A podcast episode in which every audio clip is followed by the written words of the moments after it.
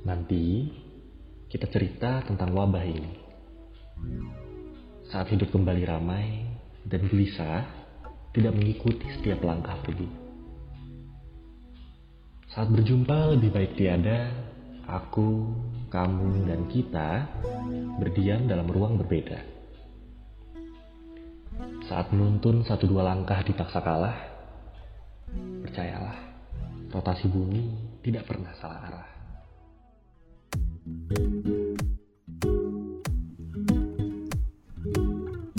Selamat datang di Katalog, katanya berdialog. Terima kasih sudah mau hadir untuk mendengarkan diskusi kami. Semoga bermanfaat dan selamat mendengarkan. Kemarin siang belajar Tagalog, selamat datang di Katalog. Katalog, katanya berdialog. Anjay. Mantap, mantap. Ya, em, Akhirnya. berjumpa lagi dengan kita semua, eh, pendengar-pendengar eh, katalog yang setia dengan kita semua di sini ada Yoga Dio, Gabriel Reyes, Lutfi Marwanto dan gue sendiri Raffi Muhammad. Em, kali ini kita akan membahas eh, dalam podcast kita yaitu tajuknya adalah nanti kita cerita tentang wabah ini. Masih berkenaan dengan wabah sekarang yaitu coronavirus. Tapi mungkin sebelumnya kita kita pengen tahu dulu nih semua pada Nah, kegiatannya ngapain aja sih selama corona ini? Yuk, lu ngapain aja Yuk selama corona ini Yuk? Selama corona ini gue rajin berolahraga setiap harinya. Terus juga gue memperdalam agama. Masya Allah. Uh. Yok, yok. Bercanda, bercanda. Gue cuma skripsian aja sama gue memperdalam kemampuan bahasa Inggris aja sih. Itu doang sih kegiatan gue. Yang lain gimana yang lain? Coba kalau misalkan uh, Siapa dulu nih? Tuh, Diprat coba Dio, Dio gimana Prat, yuk? Coba. Yang gue lakuin selama corona ini apa ya?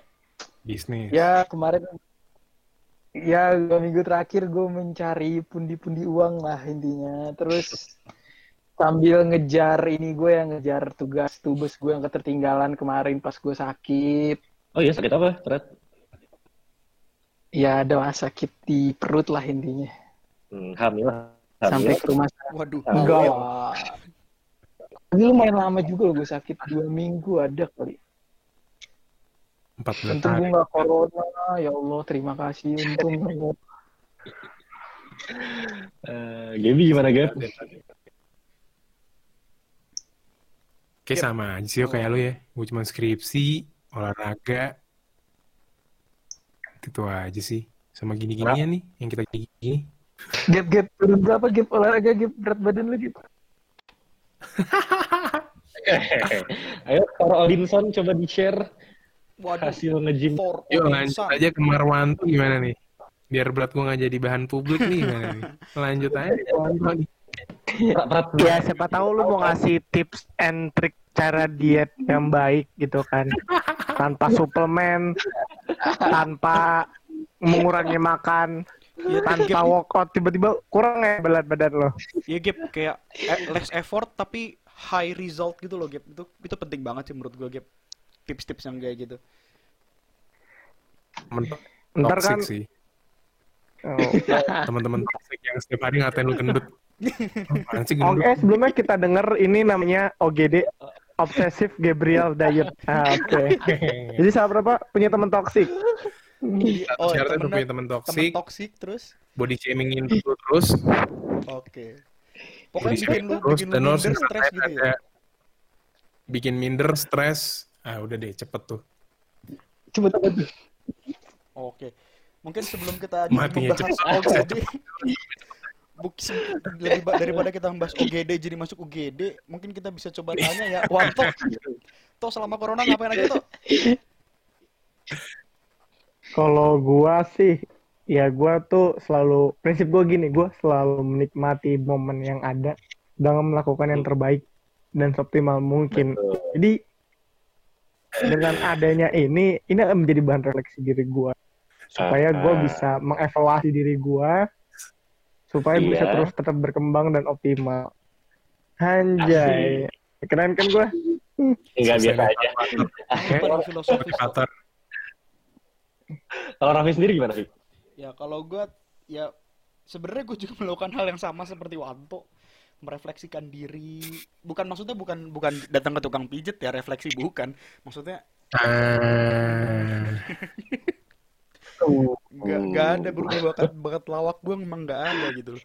Ya gue merefleksikan diri apakah gue sudah menjadi orang yang lebih baik atau bagaimana gue uh, behave dalam kehidupan sosial dan lain sebagainya. Jadi banyak memperkaya juga sih dengan bacaan-bacaan uh, apa self improvement dan psikologi lainnya gitu loh. Dan juga tentunya yang mengerjakan tugas sih itu paling penting.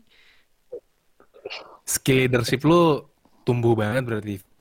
Iya, selama masa skill kepemimpinan lu ya. Bener. Tapi ya, eh, kalau yang gue ambil kesimpulan emang kebanyakan kegiatan kita di rumah aja ya. Terlepas dari adanya corona, memang pemerintah kan juga ngeluarin sebuah kebijakan yang namanya PSBB, pembatasan sosial berskala besar. Mm. Dan menurut gue mungkin itu jadi alasan yang semakin memperkuat kita kenapa kita di rumah aja sih. Dan dan mungkin kalau misalnya gue mau nambahin ya, eh, tapi dan gue maksudnya gue juga mau wakilin kita sebagai eh, katanya Teams, asik katanya. katanya ti Baru tuh baru dibuat hari ini. Keren ya, katanya Teams. Apa ya coba katanya? Detik ini loh baru Sama dibuat. grup ya. Eh, kita ingin mengucapkan eh, turut berbela-sungkawa terhadap kerabat dan keluarga yang ditinggalkan eh, akibat dari pandemi ini. Eh, jadi dari data yang gue baca nih, per hari ini, yang gue baca jam jam 2 siang sih setahu gue. Iya, kayak jam 2 siang deh. Eh, Indonesia tuh confirm case-nya tuh ada sekitar 10.000, 10K. Yang udah sembuh tuh ada 1,5K, 1.500 yang meninggal per hari ini jam 2, gue lihat itu ada sekitar 790 orang. Hari ini 1 Mei 2020 ya. Iya. 1 Mei, iya bener 1 Mei 2020. Tanggal kita record tanggal 2, jadi kayak eh, sorry banget anjing.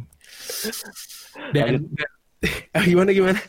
Lanjutin, lanjutin. Lanjut. Dan dan dari data-data ini eh, ada tiga provinsi terbesar yang kena dengan dampak dari pandemi ini. Nomor satunya menurut gue kita udah pasti tahu sih provinsi apa yang harusnya paling kena dampaknya. DKI Bekasi. Jakarta. Bekasi. Wow, Wow, Bekasi jadi deket sih sebenarnya. Bekasi Bekasi di mana sih? pertama Jakarta, kedua Kedua Bekasi. itu ada Jawa Barat. mm-mm. Nah, Bekasi mulu nih siapa sih Bekasi mulu nih kenapa sih Bekasi? Gua, Kasian, gua. Iya di Iya, iya. Nah, Terus sama ada Jawa Timur. Hmm, sama ada Dan apa kalau misalnya dari tingkat death, Jawa Timur, Vi. Jawa Timur oke Jawa Timur. Hmm. Kalau di tingkat dari, dilihat dari tingkat death-nya tuh di Jakarta, itu ada 371 yang udah meninggal akibat dari pandemi ini. Hampir setengahnya. wow Gokil ya. tinggi Dan- ya tinggi ya Dan, dan iya ting- tinggi banget. Dan menurut gue ini menjadi sangat wajar sih sebenarnya.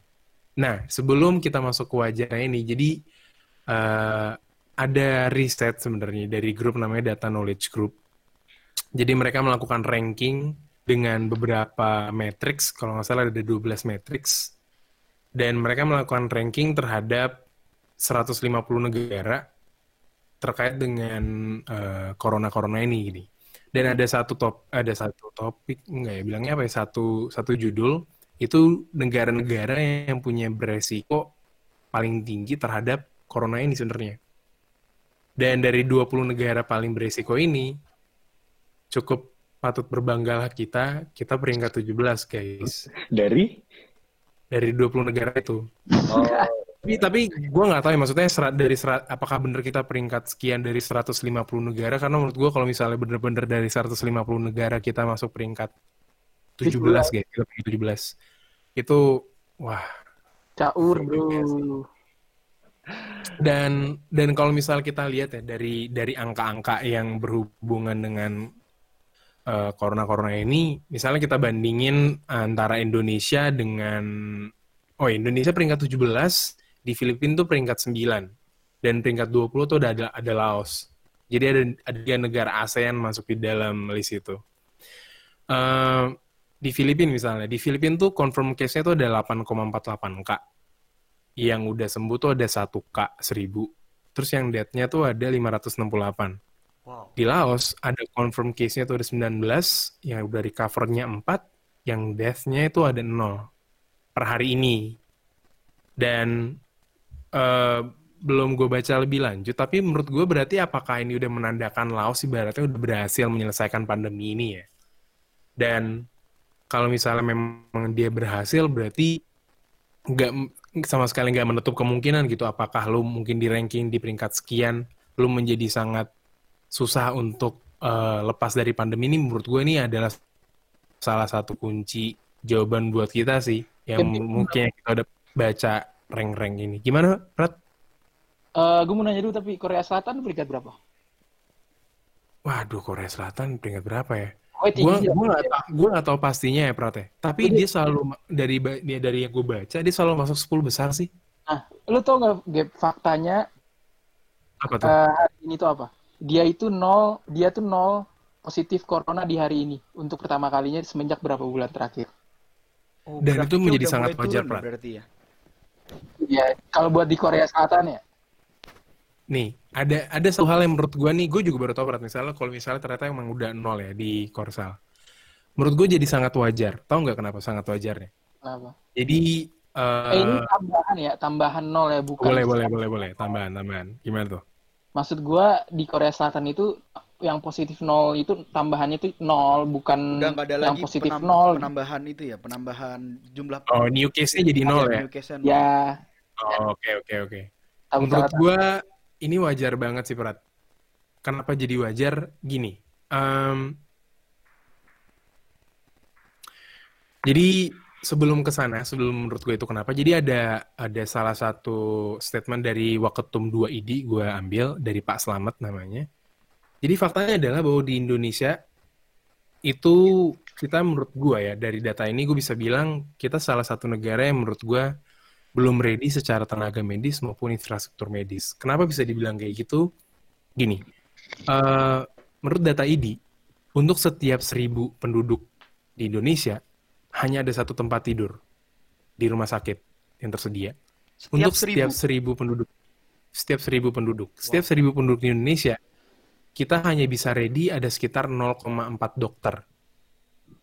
Dan dan itu kalau misalnya kita bandingkan dengan beberapa negara di sekitar kita, misalnya ada misalnya eh, di Singapura. Kalau nggak salah di Singapura, lu bisa mendapatkan dua dokter untuk setiap seribu penduduk. Mungkin kalau kita lihat secara angka gap-nya beda 1,6, tapi itu udah menggambarkan secara keseluruhan sih. Bahwa untuk setiap seribu dokter lu dapat dua dokter ibaratnya, kita gom- ngomongin secara kasarnya ada dua dokter. Terus kalau misalnya kita masuk ke Indonesia, untuk setiap seribu penduduk, bahkan satu dokter tuh nggak nyampe gitu. Dan ini akan berlanjut lagi menjadi wajar ketika kita masuk melihat bahwa bagaimana pemerintah melakukan eh, alokasi anggaran terhadap kondisi ini, pandemi ini. Jadi untuk kondisi pandemi ini, pemerintah tuh udah nyiapin tambahan anggaran sekitar 405 triliun. Dari 405 triliun ini, eh, itu udah dialokasin ke beberapa sektor yang gue baca dari data kata.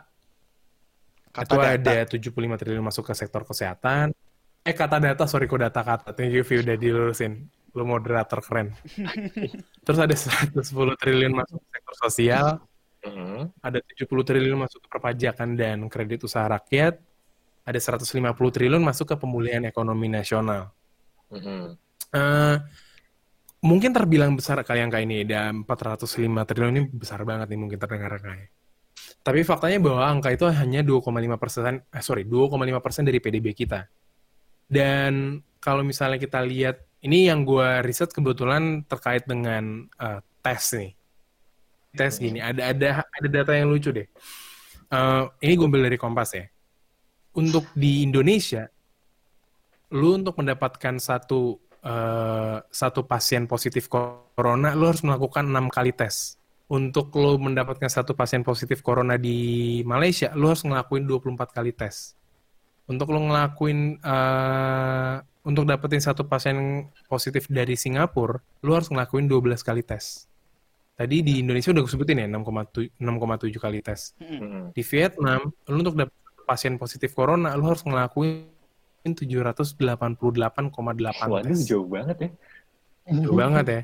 Dan dan terlepas dari angka kita yang kecil banget ini, ada dua ada dua variabel penyebabnya. Eh sorry, ada dua kesimpulan diambil dari yang artikel itu gue baca. Yang pertama bahwa penularan yang corona ini memang udah menyebar luas banget di masyarakat kita.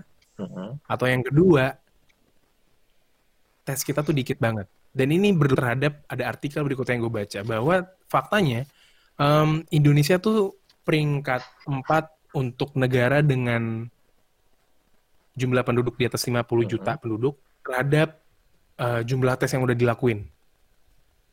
Kita peringkat 4 terburuk. Setahu gue di empat empat negara terburuk itu ada ada negara-negara dari Afrika. Gue bukan maksudnya mendiskreditkan Ya, paham, Afrika, paham. tapi eh, tapi kita sebagai maksudnya tiga negara sisanya pun ada negara-negara yang gue kalau nggak gue salah baca itu secara PDB-nya itu kita tiga kali lipat lebih besar sebenarnya dari mereka. Mm-mm. Jadi harusnya make sense gak sih? Iya, sih? harusnya jumlah tes kita harusnya lebih banyak, lebih lebih masif. Jadi kalau misalnya kita baca lagi terkait yang masalah tes dan hubungan dengan anggaran ini, eh, per 23 April, ini gue ambil data di 23 April, gue ambil dari Our World in Data.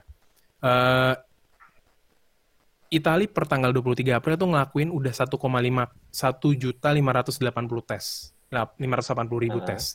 Di Malaysia udah ada 117 ribu tes. Di Vietnam lu udah 189 ribu tes. Di si di South Korea, di Korea Selatan lu ada udah ada 580 ribu tes. Indonesia per tanggal 23 April kita baru ngelakuin 48 ribu tes. Itu kita bersama dengan Filipina 68 ribu tes. Dan gimana ya menurut menurut kalian nih gimana sih? Menurut gue sih eh agak disayangkan ya harusnya nggak sih? Dan menurut gue nggak sebanding dengan jumlah masyarakat kita yang sebanyak itu yang 250 juta dengan 40 ribu tes menurut gue jauh banget sih Iya betul. sejujurnya. Dan udah dianggarkan 405 triliun dan 75 triliun untuk kesehatan gitu. Tapi ya eh, kalau kita ngelihat dari sudut pandang lain, mungkin kalau kita bandingkan dengan negara lain kayak Singapura kalau nggak salah dia 3.000 triliun ya dia menganggarkannya untuk corona ini. Hmm, nah kalau nggak salah itu sekitar itu. Eh, kita emang jauh kan, tapi kalau kita coba lihat dari sudut pandang lain, sebenarnya kita itu defisit anggarannya udah naik 5,07 persen. Padahal menurut undang-undang defisit anggaran maksimal itu ada ada di 3 persen Sebelum direvisi ya. Sebelum direvisi Iya, sebelum oleh keluar Perpu. ya, perpu ya betul. Jadi menurut gue, jadi menurut gue emang eh, nggak bisa serta merta kita anggap salah karena emang gue nggak terlalu paham ekonomi ya. Cuma yang gue baca adalah bisa jadi akan berdampak besar kalau misalnya defisit anggaran itu semakin tinggi. Apalagi ini terjadi tiba-tiba kan. Betul banget sih. Dan menurut gue memang anggaran ini itu diberlakuin ke banyak banyak program sebenarnya. Mungkin 75 triliun tadi kan masuknya kesehatan gitu. Kalau kita minta tambah bisa di defisit, bisa segala macam kan jadi bahaya juga gitu. Tapi Dan oh ya, terlepas dari oh, gimana gimana gimana gimana. em, nggak sebenarnya menarik ketika kita bic- mulai bicara soal defisit dan lain sebagainya. Tapi mungkin banyak nih eh, dari teman-teman pendengar katalog ini yang kayaknya masih agak bingung juga sebenarnya negara tuh punya uang dari mana sih sebanyak itu terus dipakai untuk kebutuhan darurat ini itu sebenarnya dari mana sih dan bahkan sekarang saja kondisinya kita defisit seperti itu.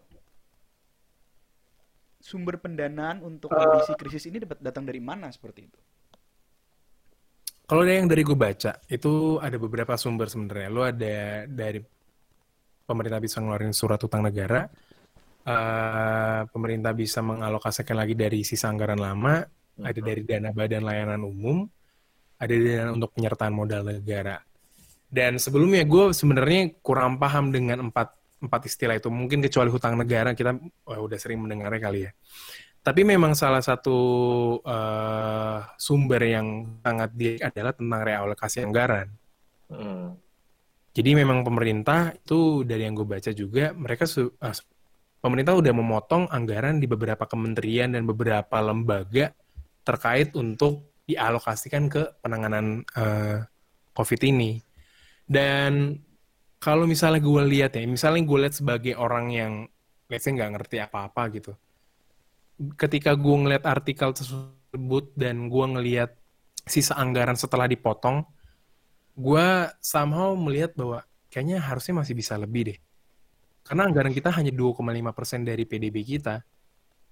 Dengan dengan dibandingkan negara-negara lain, misalnya di Australia, Singapura, Malaysia, mereka udah menganggarkan sekitar 10% dari PDB mereka untuk melakukan penanganan COVID ini gitu. Mm-mm. Salah satu hal yang paling kita tadi yang udah kita bahas bahwa dengan jumlah tes kita tuh masih dikit banget. Yang ini mungkin berdampak bahwa eh, banyak orang di luar sana yang mungkin ngerasa, "Duh, gue kayak sehat-sehat aja nih, padahal nyatanya lu udah positif corona gitu misalnya. Bisa jadi carrier ya. Yoi, dan terlepas dari itu semua sebenarnya pemerintah juga udah ngeluarin beberapa eh, kebijakan sih yang mungkin perlu kita sebutkan gitu.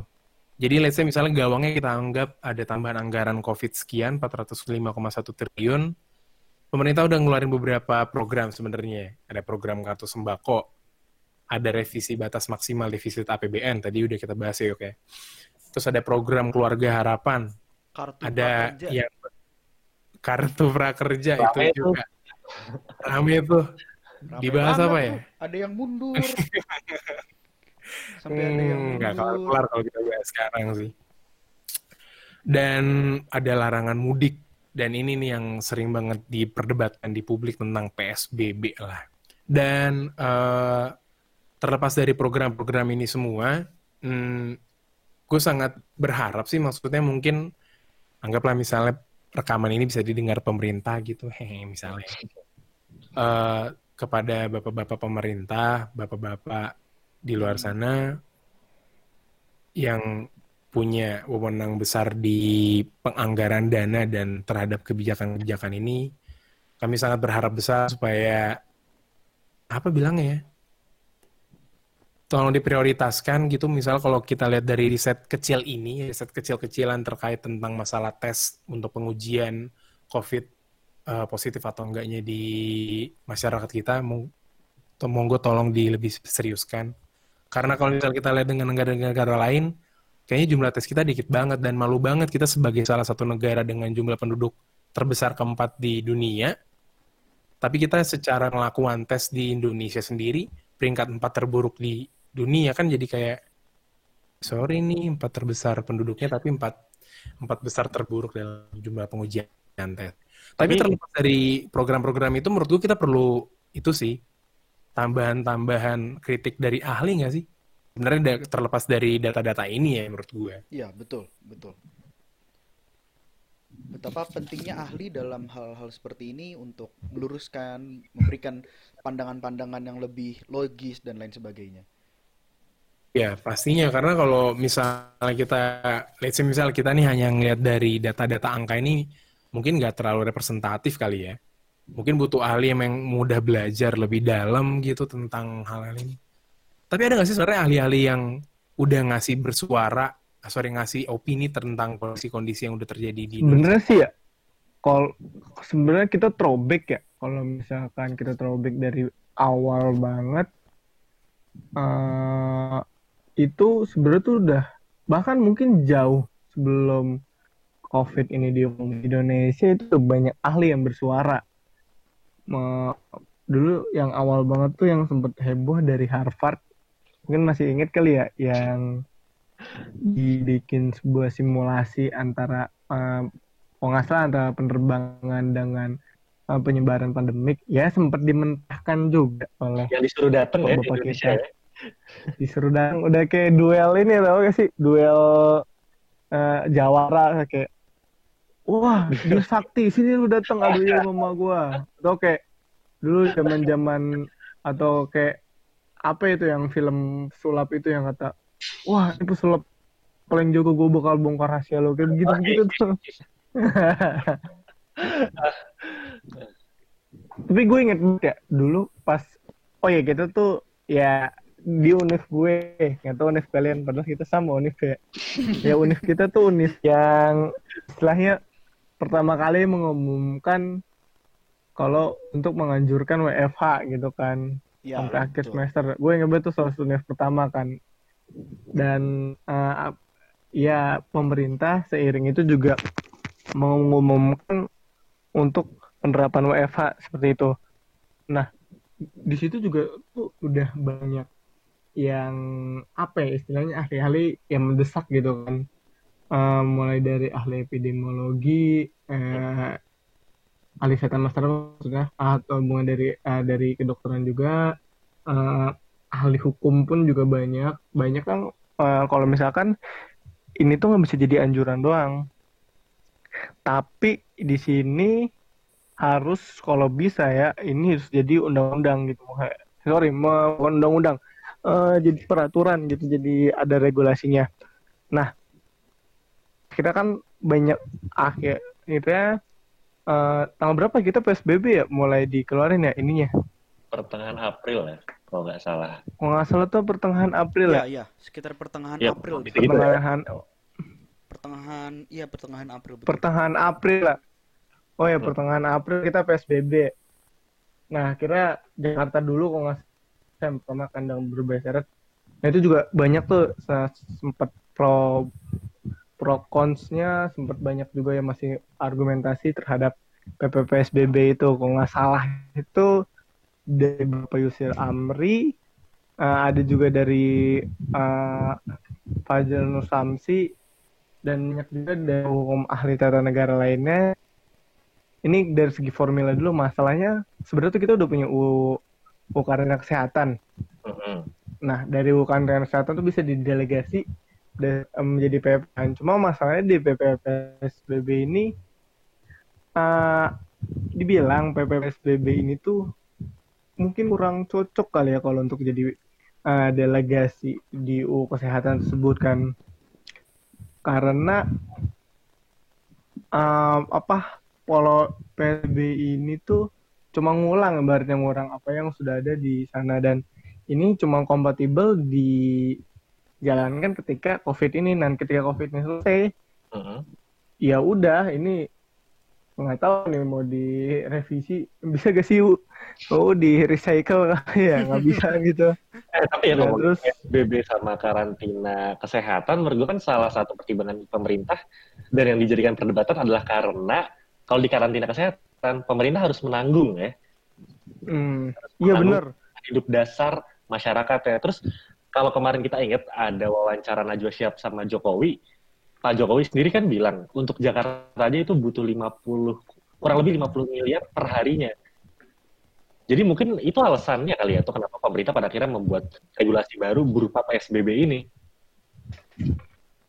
mungkin sih kayak, kayak harusnya begitu sih ya Mm-mm. karena kan eh, kalau P- karantina wilayah itu ya lo susah untuk akses dan segala macam itu kan bisa banyak yang sektor-sektor sekarang kan udah sektor non formal udah terganggu kan kayak sektor media sektor Betul. visual dan sebagainya apalagi karantina terus belum lagi UMKM dan sebagainya roda ekonomi bisa nggak gitu kan terus Iya, iya. belum lagi nah di karantina wilayah ini lu ha, pemerintah tuh ber, berkewajiban untuk memenuhi kebutuhan dari masyarakatnya dan kalau di PSBB kan gak ada unang itu tapi masalahnya juga eh, banyak yang masih bilang PSBB ini belum maksimal Eh, terus juga PSBB eh, emang lu ada ketentuan untuk gimana mengatur mekanisme antara dia sama lu pandu, eh, untuk iya, iya. panduan terhadap Pemda pada Polri dan sebagainya.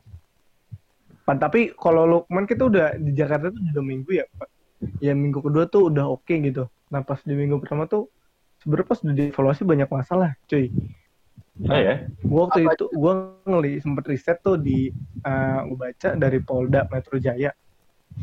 Pas yang pertama tuh yang PSBB pertama sama 10 hari pelaksanaan itu adalah sekitar 18.900 958 uh, pengendara yang nggak sesuai dengan syarat syarat PSBB entah Banyak itu juga. masker lo mungkin bukti atau lo apa nggak ngerti lah gue lah.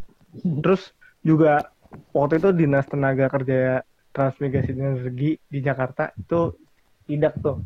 Ada terus pas 33 perusahaan itu yang di luar nih harus ya di luar yang diwajibkan. Ya eh, bukan apa disangka untuk beroperasi itu beroperasi Oh di ya? luar syarat. Iya itu ada itu dan emang sempet ya tapi gue juga bingung sih di daerah gue juga masih rame-rame terutama sore kalau ngabuburit gitu kan. Masih, masih ada ngabuburit tuh Nah, di daerah lu. daerah gue juga. Masih ada orang ngabuburit gue juga nggak ngerti dah. Gue juga. Malah tapi- bocah-bocah masih main petasan sana sini dar dar der dor masih perang sarung Tapi ya padahal kan harusnya adanya sebuah kebijakan uh, yang dinamakan PSBB ini untuk menekan jumlah uh, kasus positif corona ya. Terus kan waktu itu kalau nggak salah alumni MTKUI ya juga pernah ngebuat uh, penelitian kalau nggak salah ya soal uh, skema-skema terus nanti dan uh, kira-kira nanti corona bakal selesai kapan sih di Indonesia? Menurut Iya viral tuh viral tuh. kalau begini caranya mungkin akan masuk ke skema terburuknya itu ya terburuknya mereka gitu. Dia itu sih ya gue juga bingung. Padahal entah emang kurang publikasi atau emang masyarakatnya kurang ngerti sama masalahnya. Masalah oke lah kalau alasannya dia harus bekerja dan sebagainya tapi gue liat nih mundar mandir aja orang banyak gitu kan ada aja yang ngeber di flyover keliling-keliling itu masih ada gitu. Padahal eh, itu Iloni matematika I. Dia pakai model S0 kalau nggak salah. Dia tuh ngeprediksi eh, kalau nggak salah tuh ya sekitar berapa ya? 14.000 ribu apa itu kalau misalkan terkoreksi bisa dicek lagi. Gue juga lupa lupa inget. Itu kalau misalkan tanpa interferensi tapi akan sangat hasilnya itu akan jauh banget berkurang ketika lo pakai eh, mekanisme makin keras interferensinya Mm-mm. eh, makin ketat maksudnya ya makin oke dalam pengawasannya terus juga eh, dari ITB juga pernah modeling kan gue juga lupa tuh tapi kalau dia modelingnya pakai apa ya kalau nggak salah Eh, itu deh kayak model Ri- Ri- Richard Curve deh dia jadi itu eh, ada beberapa negara dia cari polanya terus dicari kira-kira paling cocok mana. Itu juga dia juga buat skenario 3 sama kayak ini tentang kalau me- low eh no low medium high juga nah dari Bapenas pun pernah modeling gitu. Ini dari Bapenas bahkan modeling kalau dengan dataset yang waktu luar ya kalau misalkan nggak ada interferensi jumlah kasusnya itu per hari itu bisa eh, ratusan ribu. Kalau bener-bener lo plong atau apa eh sorry eh, ini gue yang pakai totalan aja deh. Eh, kalau misalkan nah ini juga ada juga nih eh, kalau misalkan nggak ada interferensi itu bisa total ya nyampe lah ya. Mungkin bisa dibaca sendiri penelitiannya. Bisa nyampe berapa tuh ratusan ribu per harinya di, at- Serius lu? di atas 100 grafiknya. Iya. Gila. mungkin tapi dia udah ngecatat masih pakai dataset yang awal kan maksudnya. Hmm. masih pakai dataset Februari. Nah kalau misalkan eh, dia pakai hike itu di bawah 50.000 ribu. Jumlah kasus baru per hari. Ya itu jauh banget kan itu di atas 100 sama di bawah 50 ya bisa kurang mungkin 200 ya kali ya kalau misalkan lo pakai no interference sama high intensity artinya semakin dan oh ya saat penelitian ini juga lo tidak belum terlalu ma- tidak memperhatikan ah, apa entah jadi masih cuman modeling matematika aja belum ada inter ah, belum ada faktor-faktor lain kalau di mm, yang TB tuh berapa ya? 8.000 apa ya? Kalau matematika tuh 17.000 ntar bisa dicari sendiri deh. Mungkin lo juga kalau pada tahu bisa dilihat. Gue juga lupa-lupa ingat soalnya. Nah tapi cuma kan orang masalahnya ya, itu yang sempat kemarin rame di acara mata najwa kan tentang ekonomi. Tapi juga ada beberapa ada beberapa ahli ekon ekonom yang bilang kalau misalkan mendingan PSBB gitu. Karena ada beberapa dari mereka banyak juga yang bilang kalau PSBB oh lu keoknya bentar doang ujung-ujungnya lo akan bangkit lagi. Jadi dulu waktu di Cina uh, dulu kan pernah kena SARS ya. SARS itu 2003 2004 kalau nggak betul betul itu tuh ek ekonomi Cina sempat down akhirnya naik lagi uh, perlahan sampai akhirnya bisa 14 persen. Hmm. terus juga sebenarnya kalau kata Fitra Faisal nih gue kutip pernyataannya kalau misalkan PSBB itu kalau kita pakai PSBB itu kerugiannya tuh bisa 150 triliun. Tapi kalau misalkan lu karantina wilayah lu cuma 80 triliun. Dan walaupun ekonomi 2020 bakal kacau. Ya lu semua mungkin bakal terancam pengangguran. Maksud gue kita, Nah, jadi tenang guys kita, kita. pengangguran kita akan akan aktif di sini kita akan bikin YouTube. Ya kita akan menghibur kalian semua. Lagi kita jadi podcast pelarian ya jadi podcast humor nih ntar kita. Ya itu kata dari modelnya ya dari prediksi bisa sampai ntar 2021 bisa 6 persen sampai 7 persen tumbuh? 6 sampai 7 persen apa? pertumbuhan ekonomi Hmm, itu kalau kalau misalkan da, maksudnya nggak masalah gitu kalau misalkan nggak di masalah. karantina juga walaupun kita karantina kan banyak bilang kalau kita karantina ntar katanya bisa krisis bisa kolaps kayak mungkin dulu 98 terus Berarti Akhirnya- berarti emang sebenarnya eh, kelas antara PSBB atau misalnya mau antar karantina wilayah itu berarti salah satu faktor yang paling di variabel diperhitungkan berarti tentang ekonominya kali ya. Apakah mungkin di UMKM bakal hancur banget kah? Atau bakal iya, kayak, kayak- gimana gitu. seperti yang Nah, Joko mungkin- bilang berapa sih 150 eh per hari itu butuh berapa ya waktu itu ya berapa Apanya, per hari yang Oh, waktu wawancara itu Jakarta aja, kalau untuk Jakarta aja 50 miliar sih. 50 miliar tuh per hari. Jadi menurut gua sih di sini harusnya pasti Ibu Bu Sri Mulyani itu pasti udah nyiapin, iya nggak sih harusnya? Ketika misalnya pemerintah udah memilih untuk coba kita pakai PSBB, menurut gue berarti emang Bruce, ya apa Sri Mulyani itu udah menyiapkan suatu skema, itu udah nyiapin suatu langkah-langkah terkait tentang sebenarnya Nah. kalau kita ambil PSBB itu bakal gimana, karantina wilayah itu bakal kayak gimana gitu. Nah, bener Gep. Eh, sebelumnya suara gue kedengeran gak? Kedengeran, kedengeran. Kedengeran? Masuk masuk. Sebenarnya itu bendahara negara kita tercinta Ibu Sri Mulyani itu udah memutuskan lima kebijakan. Pressure, pressure, pressure. Iya. Ya bendahara nggak bisa kok di pressure gitu kan. Kepanitiaan ya.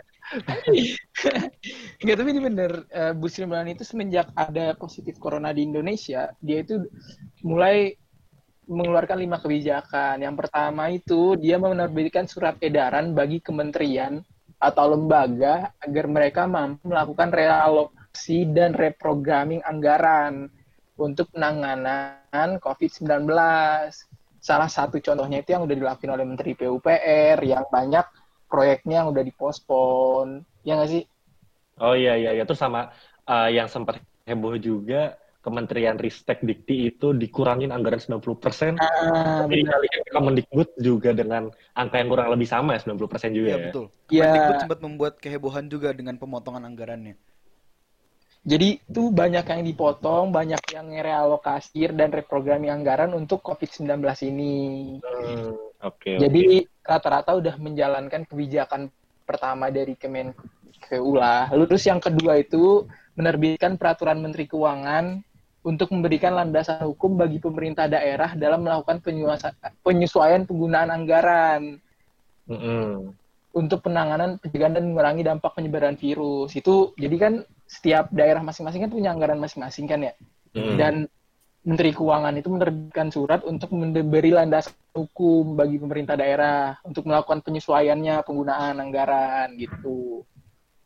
Hmm. Jadi salah ibaratnya- satunya Jadi ibaratnya kayak bisa diganti gitu atau gimana berat maksudnya? Berat? jadi salah satunya tuh kayak DKI Jakarta lah kayak PSBB ini kayak anggarannya digunain buat itu loh yang yang apa ya, kemarin tuh yang setiap minggu eh setiap minggu ya Sekolah minggu.